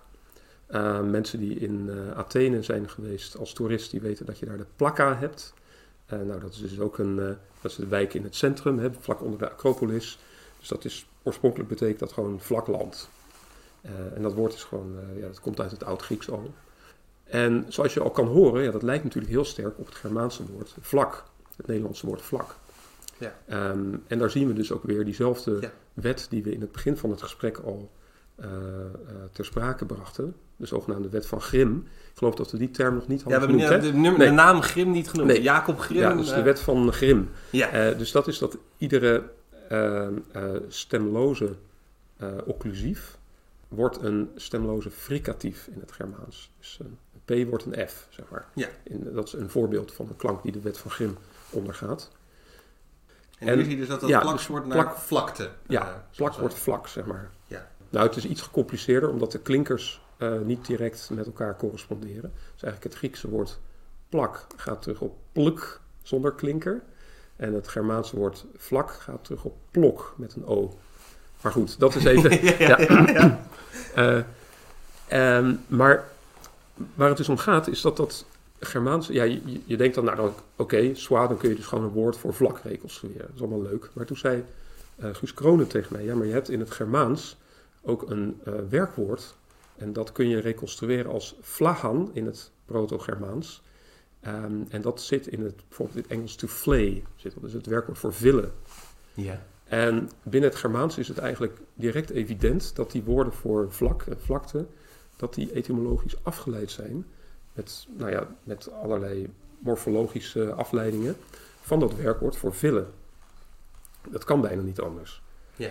Ehm, en als je daar dan over gaat nadenken, dan is dat eigenlijk best wel zinnig ook. Want ja, wat je, wat je in eerste instantie eh, denkt bij een woord voor vlak, ja, wat, waarom zou je dat van een werkwoord voor villen afleiden? Maar wat je dus doet als je iets vilt, en als je een dier zijn huid afstroopt, dan ehm, haal je de haren eraf. En dat is dus precies wat ze deden, die vlaktes, als ze dus de bossen platbranden. Ja, ja. En het is ook precies, eigenlijk, het correspondeert ook gewoon met überhaupt de natuurlijke omgeving. Want wat je vaak vindt is dat eh, vlaktes eh, kaal zijn en dat bergen bebost zijn. Ja, ja. Dus wat hier eigenlijk aan ten grondslag ligt, aan die, nou ja, niet alleen aan de etymologie, maar überhaupt aan het idee dat die sprekers ooit dat woord hebben afgeleid van het werkwoord voor villen, is dat zij eh, de levende natuur zagen als, ja, op dezelfde manier als ze naar een dier keken. Of in ieder geval inderdaad deze veeteelt worden gebruikt om- to make sense of place op een bepaalde manier. Om, om, ja, om, zich te oriënteren. Ja. Ik vraag me overigens wel af, en dat zei ik eerder vandaag ook tegen je, dat ik vraag me wel af of het direct met veeteelt te maken heeft. Omdat natuurlijk het, eh, het stropen van dieren, het afstropen van de huid, dat is natuurlijk typisch iets wat jagers doen ook. Ja. Ehm, dus het zou natuurlijk ook een veel oudere term nog kunnen zijn die uit de, ja, uit de jacht komt. Ja. Dus dat kan natuurlijk millennia oud zijn, zo'n zo'n metafoor. Mhm. Eh, en überhaupt ook het idee dat je het landschap op die manier ziet. Maar het beslissende punt is eigenlijk dat ze. En dat is iets waar ik ook al, al langer tegenaan liep. Toen ik, ja, als je bijvoorbeeld in de natuur bent of kampeert in Frankrijk of zo, dan, dan valt je op dat heel veel van die namen voor natuurelementen eh, eigenlijk namen voor lichaamsdelen zijn. Dus je hebt bijvoorbeeld eh, het woord col, dat is een, de hals of nek. Dat is een bergpas. Eh, je hebt het woord bergrug in het Nederlands, of ridge in het Engels, wat natuurlijk met het woord voor rug verwant is. Eh, nou, zo kun je doorgaan. Dus eh, als je op een landkaart kijkt, dan zie je dat al die elementen, nou, niet allemaal, maar heel veel van die elementen, die gaan terug op woorden voor lichaamsdelen. Toen dacht ik eerst, ja, waarom, waarom is dat nou? Maar dat moet natuurlijk, dat komt niet van menselijke lichaamsdelen, maar dat komt van dieren. En een ander frappant iets is dat je eh, ziet dat woorden voor bebost eh, vaak hetzelfde zijn als woorden voor dicht behaard. Ja. Dus bijvoorbeeld het woord eh, eh, dens in het Engels komt van het Latijnse woord densus. En dat betekent zowel, als ik me goed herinner, dicht bebost als dicht behaard. Ja, ja, ja. In ieder geval het Griekse woord wat daarmee verwant is, heeft ook allebei de betekenissen. Dus ja, het lijkt erop dat ze primair vertrouwd waren met het omgaan met eh, dieren en ook met het bewerken van die huiden. En dat ze vanuit die analogie eigenlijk het, de objecten in het landschap eh, benoemden zoals ze spraken over de objecten waar ze veel mee omgingen, namelijk de dieren. Ik zeg nu objecten, maar de ja, dingen nee, waar ze veel mee omgingen. Ja. Dit waren mensen die in, de praktijk continu bezig waren met het, met het villen van dieren. En, überhaupt met die hele filterpraktijk. En voor deels ook nog steeds die jacht. Ja. En dus dat, dat was aan de orde van de dag. En dat, dat is dan natuurlijk inderdaad een, een, een, een- ook eens, ja, een, inderdaad ook een manier dan.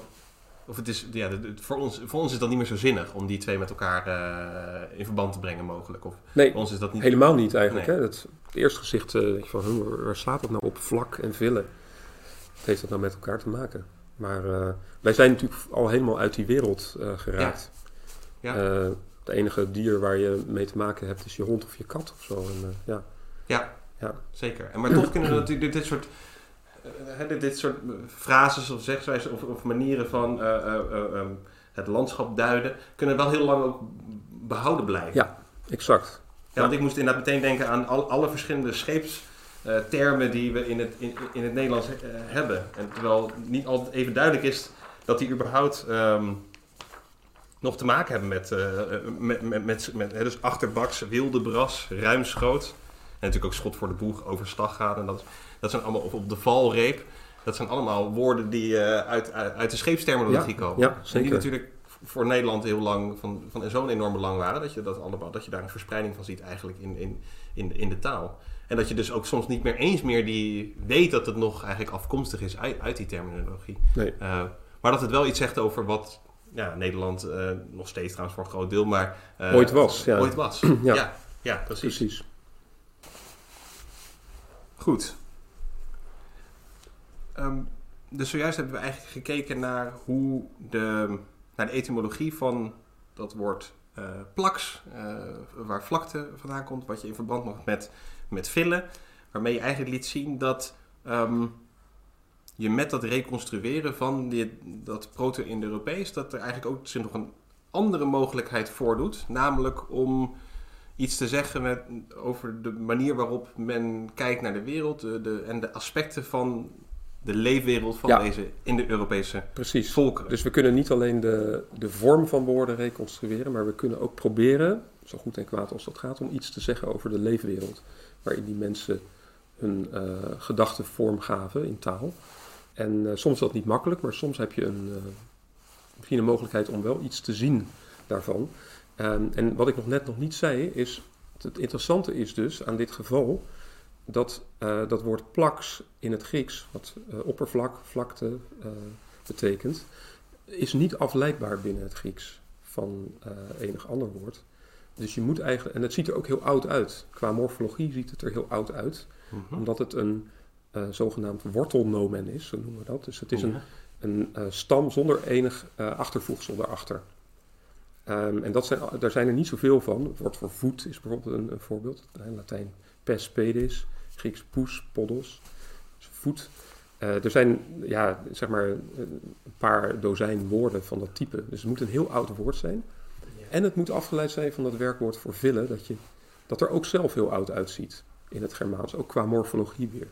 Dus dat geeft aanleiding om te denken dat die afleiding van het woord voor vlakte al in, niet in het Grieks zelf heeft plaatsgevonden, maar al in een heel vroeg stadium, al in het proto-Indo-Europees. Of misschien al nog eerder. Ja, ja. ja wat je En dus dat, is eigenlijk, dat was voor mij eigenlijk eh, de, de, nou ja, eye-opener wil ik niet zeggen, maar in ieder geval dacht ik, hé, hey, dit is iets. Mhm. Want nu kan ik iets zeggen over de manier waarop metaforen werkten in een heel vroeg stadium. Dus niet eh, in het Grieks zoals we dat kennen vanaf Homerus en in, in latere teksten, Ja. maar al ver daarvoor. En dat, eh, ja, dat opent dus een, eh, een blikveld op die wereld waarin de sprekers van het Proto-Indo-Europees zich bewogen. Ja. En er, zijn een, en er zijn een aantal andere voorbeelden, want dit, was, dit is eigenlijk een heel recent voorbeeld waarnaar je onderzoek hebt gedaan. Ja, Je hebt ook al in het verleden heb je hier wat andere voorbeelden van eh, onderzocht. Ja. Dus je hebt, je hebt- ook gekeken naar, en, dan, en dat zijn dan inderdaad wat, wat gewichtige woorden, en, maar met dezelfde aanvliegroute volgens mij. Dus inderdaad om te Ja. kijken naar het, met, het metaforisch taalgebruik. Maar misschien, misschien is het inderdaad goed om eerst te gaan naar een, een, een, een, een, een wetenschapper die je aanhaalde, eh, een, een Amerikaan, eh, Andreas Zanker, die daar een boek over heeft geschreven, eh, wat erg lijkt op de, de, de, de lijn van onderzoek die jij zelf ook bewandelt. Ja, precies. Dus hij, eh Zenker heeft een boek geschreven over conceptuele metaforen bij Homerus. Nou, er zijn sinds een heel belangrijk boek van Lakoff en Johnson, een jaar of veertig geleden, is dat idee van conceptuele metaforen steeds breder toegepast. En het idee is eigenlijk dat van zo'n conceptuele metafoor, dat hè, wij als sprekers veel dingen tegenkomen die wij niet eh, direct kunnen aanwijzen of die niet direct toegankelijk zijn. Eh, en dat we die dan beschrijven in termen van dingen die wel direct toegankelijk zijn. Bijvoorbeeld de dood. Ja, we hebben nooit, geen van ons allen heeft de dood meegemaakt. Maar je gaat toch proberen om daarover te schrijven of te praten. Ja. En je gebruikt dan verschillende metaforen. Bijvoorbeeld de metafoor het leven is een weg of een reis. Ja. Eh, life is a journey, zeggen Lakoff en Johnson dan. Ja. Dus je kunt bijvoorbeeld zeggen, eh, nou, eh, ja, in het jaar 1922 eh, bereikte hij helaas zijn eindbestemming. Ja. Of zoiets. Ja, ik weet niet of dit nou een heel mooi voorbeeld is. Maar dat, Ja. ehm, eh, je beschrijft dan dat iemand doodgaat. Ja, of iemands levenspad dat, dat stopt. Of ja, dat ook, of zo. ja. ja. Ehm, en nou hebben mensen heel lang de neiging eh, gehad om dat soort metaforen te zien als een beetje stilistische versieringen, hè? Mhm. poëtisch taalgebruik. Eh, en dat komt natuurlijk ook omdat Aristoteles al in de Poëtica metaforen op die manier beschrijft. Hij beschrijft ook al de taal van Homerus als rijk aan metaforen. Ja. Maar wat dus die conceptual metaphor theory eh, doet, is zeggen: nee, dit is niet poëtisch taalgebruik of niet om het te verfraaien, maar het is gewoon een noodzakelijkheid dat je dingen die niet direct toegankelijk zijn, met metaforen beschrijft in termen van dingen die wel direct toegankelijk zijn. Ja. Ja, wij, wij, wij hebben bijvoorbeeld het woord sterven in het Nederlands.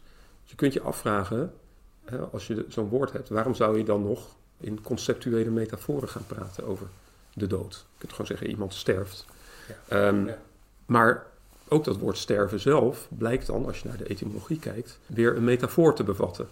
Dus eh, dat betekent oorspronkelijk stijf worden, verstijven. Ja, dat wordt ja, natuurlijk ja, wat er met het lichaam gebeurt als je doodgaat. Dus dat is ook een soort eufemisme natuurlijk. En zo zit dus eigenlijk in vrijwel ieder woord waarmee je een niet direct eh, aanwijsbare ervaring benoemt of bespreekt, wel een metafoor verborgen. Dus blijkbaar is er een ingebakken behoefte van mensen die een taal gebruiken om, om die dingen steeds opnieuw weer te benoemen. Ja. In termen van metaforen, zoals het leven is een reis. Dus die metafoor is dan productief. En dan vind je hem niet alleen in één frase, maar je vindt dan tientallen frasen die diezelfde metafoor eh, belichamen. Die daar uitingen van zijn. En dus eigenlijk ook in die woordgeschiedenis zie je dus inderdaad ook wat, wat, wat, die, wat die Zenker dan noemt gefos, gefossiliseerde, gefossiliseerd metaforisch gebruik. Wij, wij zijn al lang vergeten dat sterven Ja. überhaupt ooit eh, een, metafor, een metaforische aanwending was van, van inderdaad dus, eh, Ja. het, het stijf worden van een lichaam. Ja, Eh, gaan inmiddels zelf weer metaforisch eh, eh, dat woord vermijden. Dat, eh, Ja. ehm, maar je ziet dus dat dat min of meer vast ligt in de taal. Of het ligt vast in de, in de, in, in de, in, in de woordgeschiedenis. Ehm, nou, die, die metaforen die lijken iets heel erg hardnekkigs te hebben. In de zin dat ze generaties lang eh, blijven bestaan en, en nieuwe woordvormingen eh, genereren, zeg maar. Maar het interessante is dus dat heel veel van die metaforen zijn eh, universeel. Bijvoorbeeld die, die, die vind je in alle talen. Hè? Het, het leven is een reis, dat is echt zo'n universele metafoor die, die, die je vrijwel overal vindt. Ehm, want het punt is ook, ieder mens heeft wel een ervaring wat het betekent om een reis te ondernemen en te voltooien. Ehm, dus je appelleert door die metafoor te gebruiken aan iets dat iedereen kent. Ehm, dat is natuurlijk belangrijk als je het over het onbekende of het niet direct waarneembare of zoiets wilt hebben. Ja. Eh, het zijn breed gedeelde ervaringen. En nou, het interessante is nu dat er ook niet-universele metaforen zijn, die bijvoorbeeld bij Homerus gebruikt worden. Dat is, dat is wat het boek van eh Zenker, waar we het nu over hebben, eh, laat zien. Eh, dus hij laat enerzijds zien dat heel veel universele metaforen terugkomen, Ja. maar ook dat de manier waarop Homerus praat over taal en taaluitingen, Ja. dat die anders is dan hoe wij dat doen. Ja, want En dat is er een andere je- metafoor aan ten grondslag ligt. Ja. Want voor een deel kan je, we kunnen het nog steeds lezen. Dus voor een deel is er een, Ze zijn- er een ja. gedeelde Ja. Eh, oorsprong. Of in ieder geval weten we, we- weten we, ja, tenminste hebben we in ieder geval genoeg van, van de beeldspraak en de gezegdes en de idio- Ja. idiomatische structuren. Ja. Die, die kunnen we begrijpen. We kunnen nog steeds die tekst lezen. Maar er zitten dus ook heel veel zaken in die bij ons helemaal niet meer eh, gebruikelijk zijn om dat, Nee. zo, om dat zo uit te drukken. Nee, en die daardoor heel erg opvallen. Dus je hebt eh, de zogenaamde Conwy-metafoor, Dus dat is die, de metafoor dat talige communicatie eigenlijk wordt gezien als het, het overbrengen van een boodschap of een idee door een eh, kanaal. Ja. En een eh, variant van die eh, metafoor die wij goed kennen is de containermetafoor. Dus het idee dat, je, dat woorden eigenlijk containers of pakketjes zijn waarin je ideeën verpakt en die je dan zo netjes naar de, de, de adressee, Ja, de adressaat, ontvanger, eh, ja. de ontvanger, toe laat eh, gaan. En die kan ze dan lekker uitpakken en precies begrijpen in het ideale model van communicatie wat jij bedoelt. Ja. Nou blijkt dus eh, uit dat eh, werk van Zenker dat bij Homerus die concrete invulling van die conduit-metafoor helemaal niet bestaat. Ja. Nauwelijks bestaat. En Homerus heeft in de plaats daarvan een heel andere metafoor, namelijk die van eh, woorden zijn pijlen. Onder andere, hij heeft ook andere Ja, metaforen ja, ja, om het over taal te hebben. Maar heel belangrijk is dus de metafoor dat woorden pijlen zijn die je afschiet op een doel. En het doel is natuurlijk jouw eh, toehoorder of jouw adressaat. Mhm. En wat, ja, het is, het is heel, heel grappig. Dus je kunt dan bijvoorbeeld zeggen eh, dat je misschiet als je een woord zegt dat niet, niet aankomt of dat, eh, dat op een onverwachte reactie duidt. En dat je Dus dat dat- natuurlijk heel treffend weet, weet te raken. Treffend, ja, dus daar, bij treffend hebben wij het natuurlijk ook nog wel. Ja, Dus het is niet zo dat wij die metafoor helemaal niet meer kennen, maar het, hij is Mhm. niet heel vertrouwd voor ons. nee, nee, als wij het hebben over talige communicatie. Terwijl die bij Homerus dus een dominante rol speelt. En het blijkt dus dat je daar wel, nou ja, je hebt echt tientallen verschillende frases en formules bij Homerus die blijk geven van deze metafoor. Dus het is echt heel, heel wijd verspreid. Ja, want de, de, de meest, de, de bekendste is daarvan, en, en dat is ook wel eentje die we de ge- ge- gevleugelde, gevleugelde woorden, Ja, toch? Dat dus is, inderdaad, dus de gevleugelde woorden, dat, zijn, dat is een, eh, een- vertaling van een, eh, eh, een formule bij Homerus. Epea pteroenta zijn dus de gevleugelde woorden. Die vertaling is in het Nederlands en ook in het Duits een beetje zijn eigen leven gaan leiden. Want gevleugelde woorden, dat zijn nu eigenlijk... Ja, ik weet niet hoe jij dat... eh, ik gebruik gebruikt het zelden of nooit. Nee. nee, nee, nee, nee. nee, maar dat zijn dan eh, woorden die, eh, die, die iedereen kent of die... Ja, het is inderdaad een term of een zinswijzing, zegswijze die in het algemeen spraakgebruik ingang heeft gevonden en ontleed is aan een min of meer bekende ja, vondst. ja, exact. Dank je. Stond op Nou, Wikipedia. Ja, nou, Ja, ja. Dus, ehm, maar in, in ieder geval, lezers van Homerus komen dat om de haverklap tegen, want die formule komt meer dan Ja. honderd keer voor. Maar de vraag is natuurlijk, waarom worden woorden gevleugeld genoemd? En daar is een lang debat over geweest. Eh, er is nog steeds wel debat over. Maar eh, sommige klassici zeggen dat dat komt omdat woorden als vogels worden gezien. Ehm, en anderen, en dat vind ik zelf veel overtuigender, zeggen dus dat dat komt. En dat zegt Zenker ook, dat woorden als pijlen worden gezien, die op een doel worden afgeschoten. Want pijlen hebben dus ook veren, Ja. eh, natuurlijk, die ervoor zorgen dat ze hun koers houden. En het woord voor veer en vleugel is hetzelfde in het Grieks. Dus het is allebei pteron. Dus epea pteroenta eh, is eigenlijk gevederde woorden en niet gevleugelde woorden. Ja. Het is dus wel vertaald eh, zo in de 18e eeuw Ja. eh, als gevleugelde woorden. Maar eigenlijk zijn het dus gevederde woorden. En dat laat hij dus heel overtuigend zien, vind ik, dat dat de, de eigenlijk, eigenlijk een metafoor is die ten grondslag ligt aan, aan zo'n frase. En dus aan tientallen andere frasen in de taal Ja. van Homerus. Ja, en dan zie je dus eigenlijk inderdaad, dat- dus dat Homerus is natuurlijk niet, schrijft natuurlijk geen taalfilosofisch stuk, Nee, maar je moet het dus inderdaad eigenlijk hebben van inderdaad soort turns of phrase of, of idioom, idiomatische eh, zinnen, gezegden. Eh, Maar op basis van die gezegden kan je wel iets zeggen inderdaad eigenlijk over, oké, hoe wordt er gedacht over taal? ja, Want zou je inderdaad zo'n containerbegrip de tijd hebben, dus wij kunnen holle frasen zeggen of eh, Ja. we kunnen een zwaar beladen term ehm, of een beladen woord of wat ook. Of zo. Dat, wij kunnen op die manier, Ja. dus ook als wij niet over taalfilosofie zouden schrijven, dan zouden wij ook, dan zou je ook ons, aan onze manier van spreken kunnen zien van, Ja. hey, hoe denken wij eigenlijk over hoe Ja, taal in precies. werk? precies. Dat zou je bij ons ook kunnen zien, ja. En, we- en waarschijnlijk zijn de meeste mensen zich er totaal niet van bewust dat ze een containermetafoor gebruiken. Ja, ongetwijfeld. Maar eh, als je dat zegt, als je iemand daarmee confronteert, dan zegt hij wel, ja, verrek, dat is inderdaad zo. Ja, Hè, Ik, eh, ik, ik, moet al, ik, ben, ik lijk wel gedwongen om alles op die manier te verbaliseren en te formuleren. Ja. En bij Homerus was dat dus blijkbaar anders.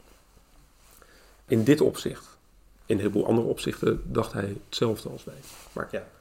Maar dit is Ehm, dan inderdaad zo'n voorbeeld van dat hij dus inderdaad veel meer spreekt in termen van, eh, of inderdaad, zodra het over woorden gaat, dan gaat dan, dat het dus inderdaad meer die, die pijlmetafoor is, eh, die, je afschiet op een, op, op een ontvanger en die dus die ontvanger kan raken of kan missen of kan, en dat, dat is ook hoe er wordt gedacht over, oké ja, zo komt een boodschap, eh, zo komt de boodschap aan. Ja, de boodschap is dan eigenlijk weer dat conduit metafoor, omdat Ja. je dan eigenlijk, dan gaat er weer zo'n pakketje over. Ja, precies. ja, Want. Hij, hij laat ook heel duidelijk zien dat, er, dat de woorden voor woord ook boodschap en idee betekenen. Dus dat er geen aparte woorden zijn voor die twee dingen die wij apart benoemen. Oh, ja, ja, Namelijk als ja. woord, als container en het idee dat daarin verpakt wordt. Dat onderscheid bestaat ook gewoon niet in de taal. Ja. Op dat moment. Mhm. In het latere Grieks komt dat natuurlijk wel. eh, als de filosofie opkomt, Plato, Aristoteles. En dat is natuurlijk weer een heel eh, ander verhaal, waar we het nu niet over kunnen hebben. Maar, maar het, is, ehm, ja, het is dus opvallend dat, dat er zoveel versteende eh, metaforen zitten in, eh, in taal. En wat, wat een van de projecten die ik in de toekomst zou willen doen, is kijken hoe die in, in de oude, oudste Indo-Europese talen sporen zitten van oude metaforen. Ja. Waarschijnlijk gaat eruit komen dat daar een heleboel metaforen speelden die wij ook eh, nog steeds gebruiken. Ehm, en die gewoon universeel zijn. Mhm. Maar er zijn ook eh, een aantal dingen die, ehm, eh, die in de loop der tijd veranderd zijn. Dus dat, het idee van het landschap dat, als, dat in termen van het uiterlijk van dieren wordt beschreven, waar we het net over hadden, eh, dat is ook zo'n voorbeeld. Dat zegt ons niet zoveel meer. Nee. Maar dat, is, dat was blijkbaar voor hun een heel voor de hand liggende manier om over landschapselementen te spreken. Ja, ja.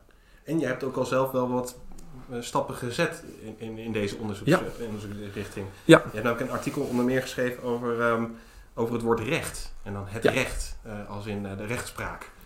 En dan, in de, en dan eigenlijk het, eh, of de, er zijn dus twee woorden in het Grieks en in het Latijn die, eh, die hiermee te maken hebben. Dus het woord jus in het Latijn, eh, wat natuurlijk recht betekent, en het woord eh eh, dike in het Grieks.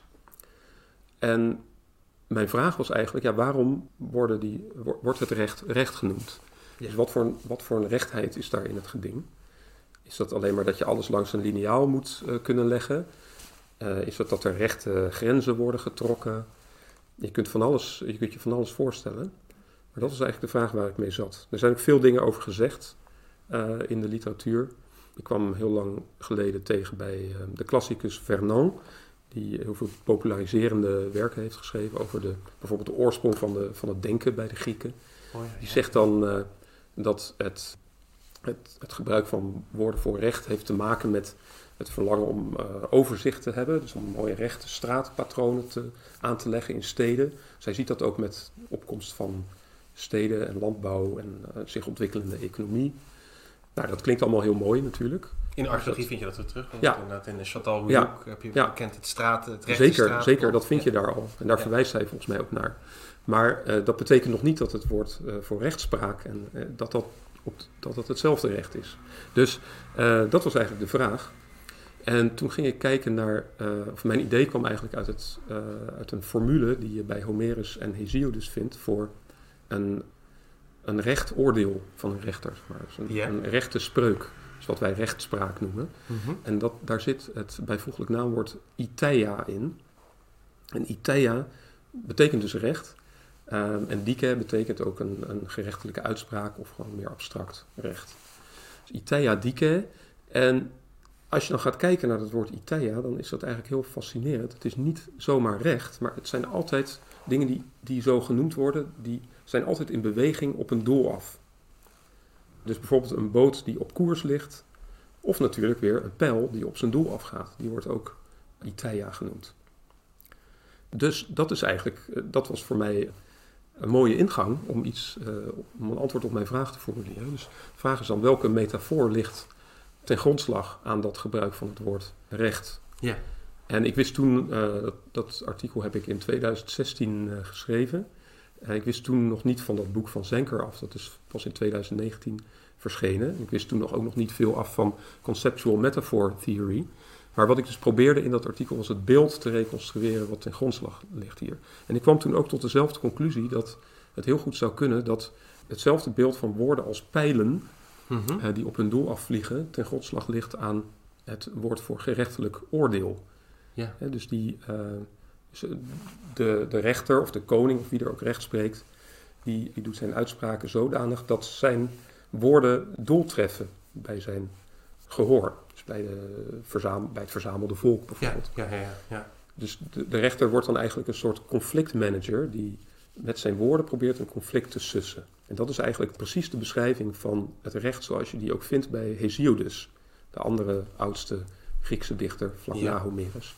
Die beschrijft precies hoe dus de rechterkoning met zijn woorden ja, het volk eigenlijk weer in harmonie brengt. Dus dat zou een mogelijkheid kunnen zijn, dat je zegt, Maar nou, je, maar je zei, dat, dus je zei dat, dat voor de opname inderdaad, dat hij dat ook personificeert. Die is bij hem, dat rechtsbegrip is bij hem nog personifi- een personificatie van een goddelijke eh, entiteit. Ja, ik zou niet zeggen nog, maar dat, ik, hij, hij maakt er een, een godin van, of een, iets goddelijks in ieder geval. Oké, ja. Ehm, en eh, dus ook iets dat eh, verkracht kan worden, of aan de haren meegesleept door mensen die dus eh, ja, het niet serieus nemen dat je ede zweert bijvoorbeeld. Ja. Dus het, gaat vooral, het lijkt er dus vooral over te gaan in, het, in de oudste Griekse bronnen. wordt recht vooral gezien als dat je je houdt aan je ede en dat je je houdt aan het proces. Het gaat dus niet zozeer om concrete wetten die Mhm. als, als richtlijnen gesteld worden Ja, of zoiets. precies. Maar het gaat erom dat jij eh, rechtlijnig bent in de weg die je volgt en in de woorden die je spreekt. Ja, dat min of meer inderdaad, eh, dus inderdaad figuurlijk begrepen of metaforisch begrepen, de beweging dat die niet van zijn pad, dat, dat je niet van je pad Ja. raakt. Eh, Ja. Dat je dat je niet of niet Ja. van je koers raakt of Ja. Of exact. Dus dat kan zowel voor een persoon die natuurlijk als een, een spreker kun je ook voorstellen als een weg volgend, die leidt naar een doel. En daar kun je vanaf raken, doordat je verkeerde woorden gebruikt. Ehm, maar je kunt het dus ook zeggen dat de woorden zelf op een doel afvliegen en als pijlen worden voorgesteld die, die, een, ehm, die, ja, die raak kunnen trefzeker zijn. Ja, Ja. ja. Of kunnen misvuren natuurlijk in Ja. die zin. Ja, ja, ja. Ja, precies. Dus dan, en, en dus aan de hand van die oude bronnen dus van Hesiodus en, en Homerus kan je dus inderdaad dan reconstrueren. Oké, hoe, hoe werd er gedacht over recht inderdaad? En hoe werd dus ongetwijfeld iets wat, wat ook vrij, net als met, de- met die andere conceptual metafoor, dat dat dus ook vrij lastig be- benaderen is. Hè? Want het recht heeft ook, een beetje, ook voor ons nog steeds iets, eh, nou ja, wat wel enigszins abstract is of zo. Ja. Of eh, we gebruiken ook een beeld van een vrouw justitia. en- Met een weegschaal en ja. een zwaard en een blinddoek en al Ja. dat soort zaken en zo. Dus ook bij ons lijken er al eh, dat soort eh, metaforisch taalgebruik lijkt al rondom dat recht te zitten. En hier gaat het dus om inderdaad om te kijken van oké, hoe speelt dat in die oude Griekse teksten? Met uiteindelijk ook als doel om iets te zeggen van wat eigenlijk voor die Griekse tekst, eh, de Griekse tekst nog ligt. Of, of dat niet. Ja, eigenlijk met als doel niet zozeer om iets per se over die teksten te zeggen, dat kun je natuurlijk ook doen, maar om te, eh, te laten zien hoe, eh, hoe zij dachten. Op dezelfde onbewuste manier als waar wij het net over hadden toen we zeiden dat wij altijd eh, alles formuleren in termen van eh, Ja. containers als wij het hebben over talige communicatie. Dus dat, ehm, dat is eigenlijk wat je, dan, eh, wat je dan probeert te doen. En op die manier kan je, ik bedoel inderdaad met, met, met, met, met goed teruggrijpen naar, de, naar, naar daarvoor van, uiteindelijk gaat het niet alleen inderdaad om een, om een reconstructie van wat dan bijvoorbeeld oud-Grieken, hoe die ehm, ehm, eh, inderdaad metaforisch spreken en, en dus daarmee hun leefwereld begrijpelijk maken.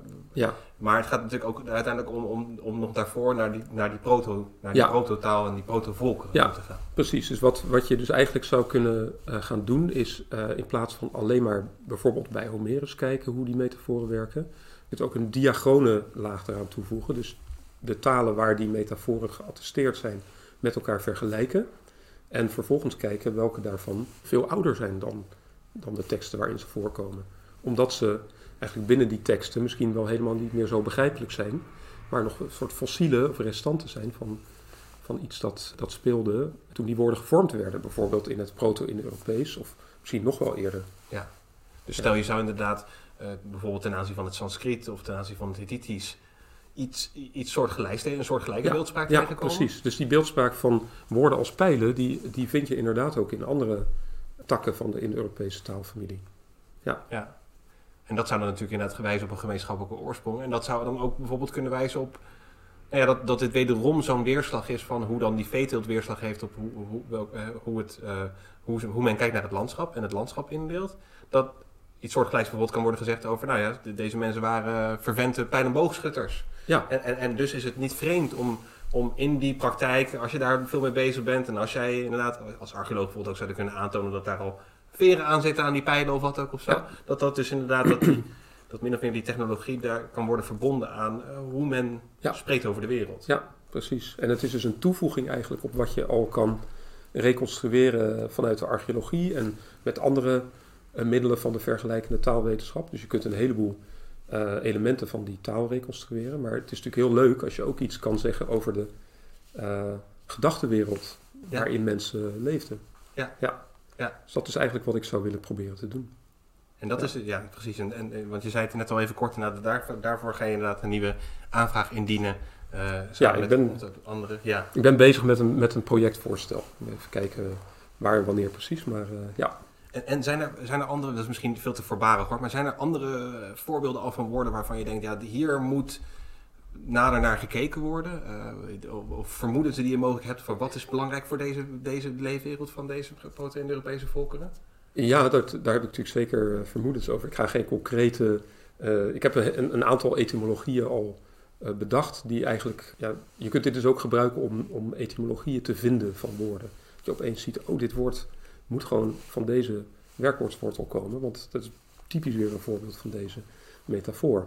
Ja. Dat, eh, die dingen kom ik eigenlijk, eh, nou ja, ik zal niet zeggen aan de lopende band, maar kom ik heel veel tegen. Het zou heel goed zijn om uitgaande van een aantal eh, veel voorkomende metaforen, dat soort dingen bij elkaar te, te, te brengen en te verzamelen. Ja. Ja, en dan dus inderdaad taal eigenlijk als toegang te gebruiken tot die, Ja. tot die eigenlijk vervlogen leefwereld. Wat Ja. natuurlijk een la- zeer lastig, eh, Ja.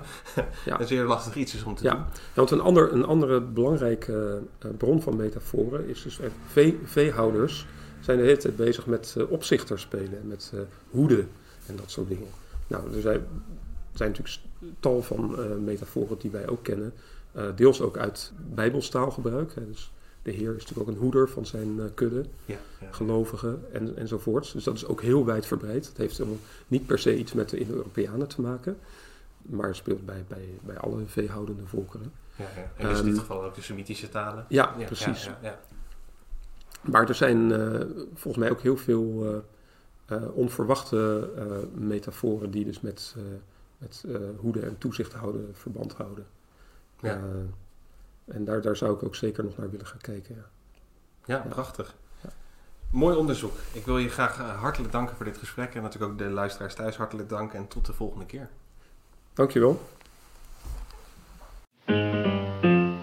Dit was weer een aflevering van Radio Horselnest. Dank u voor het luisteren.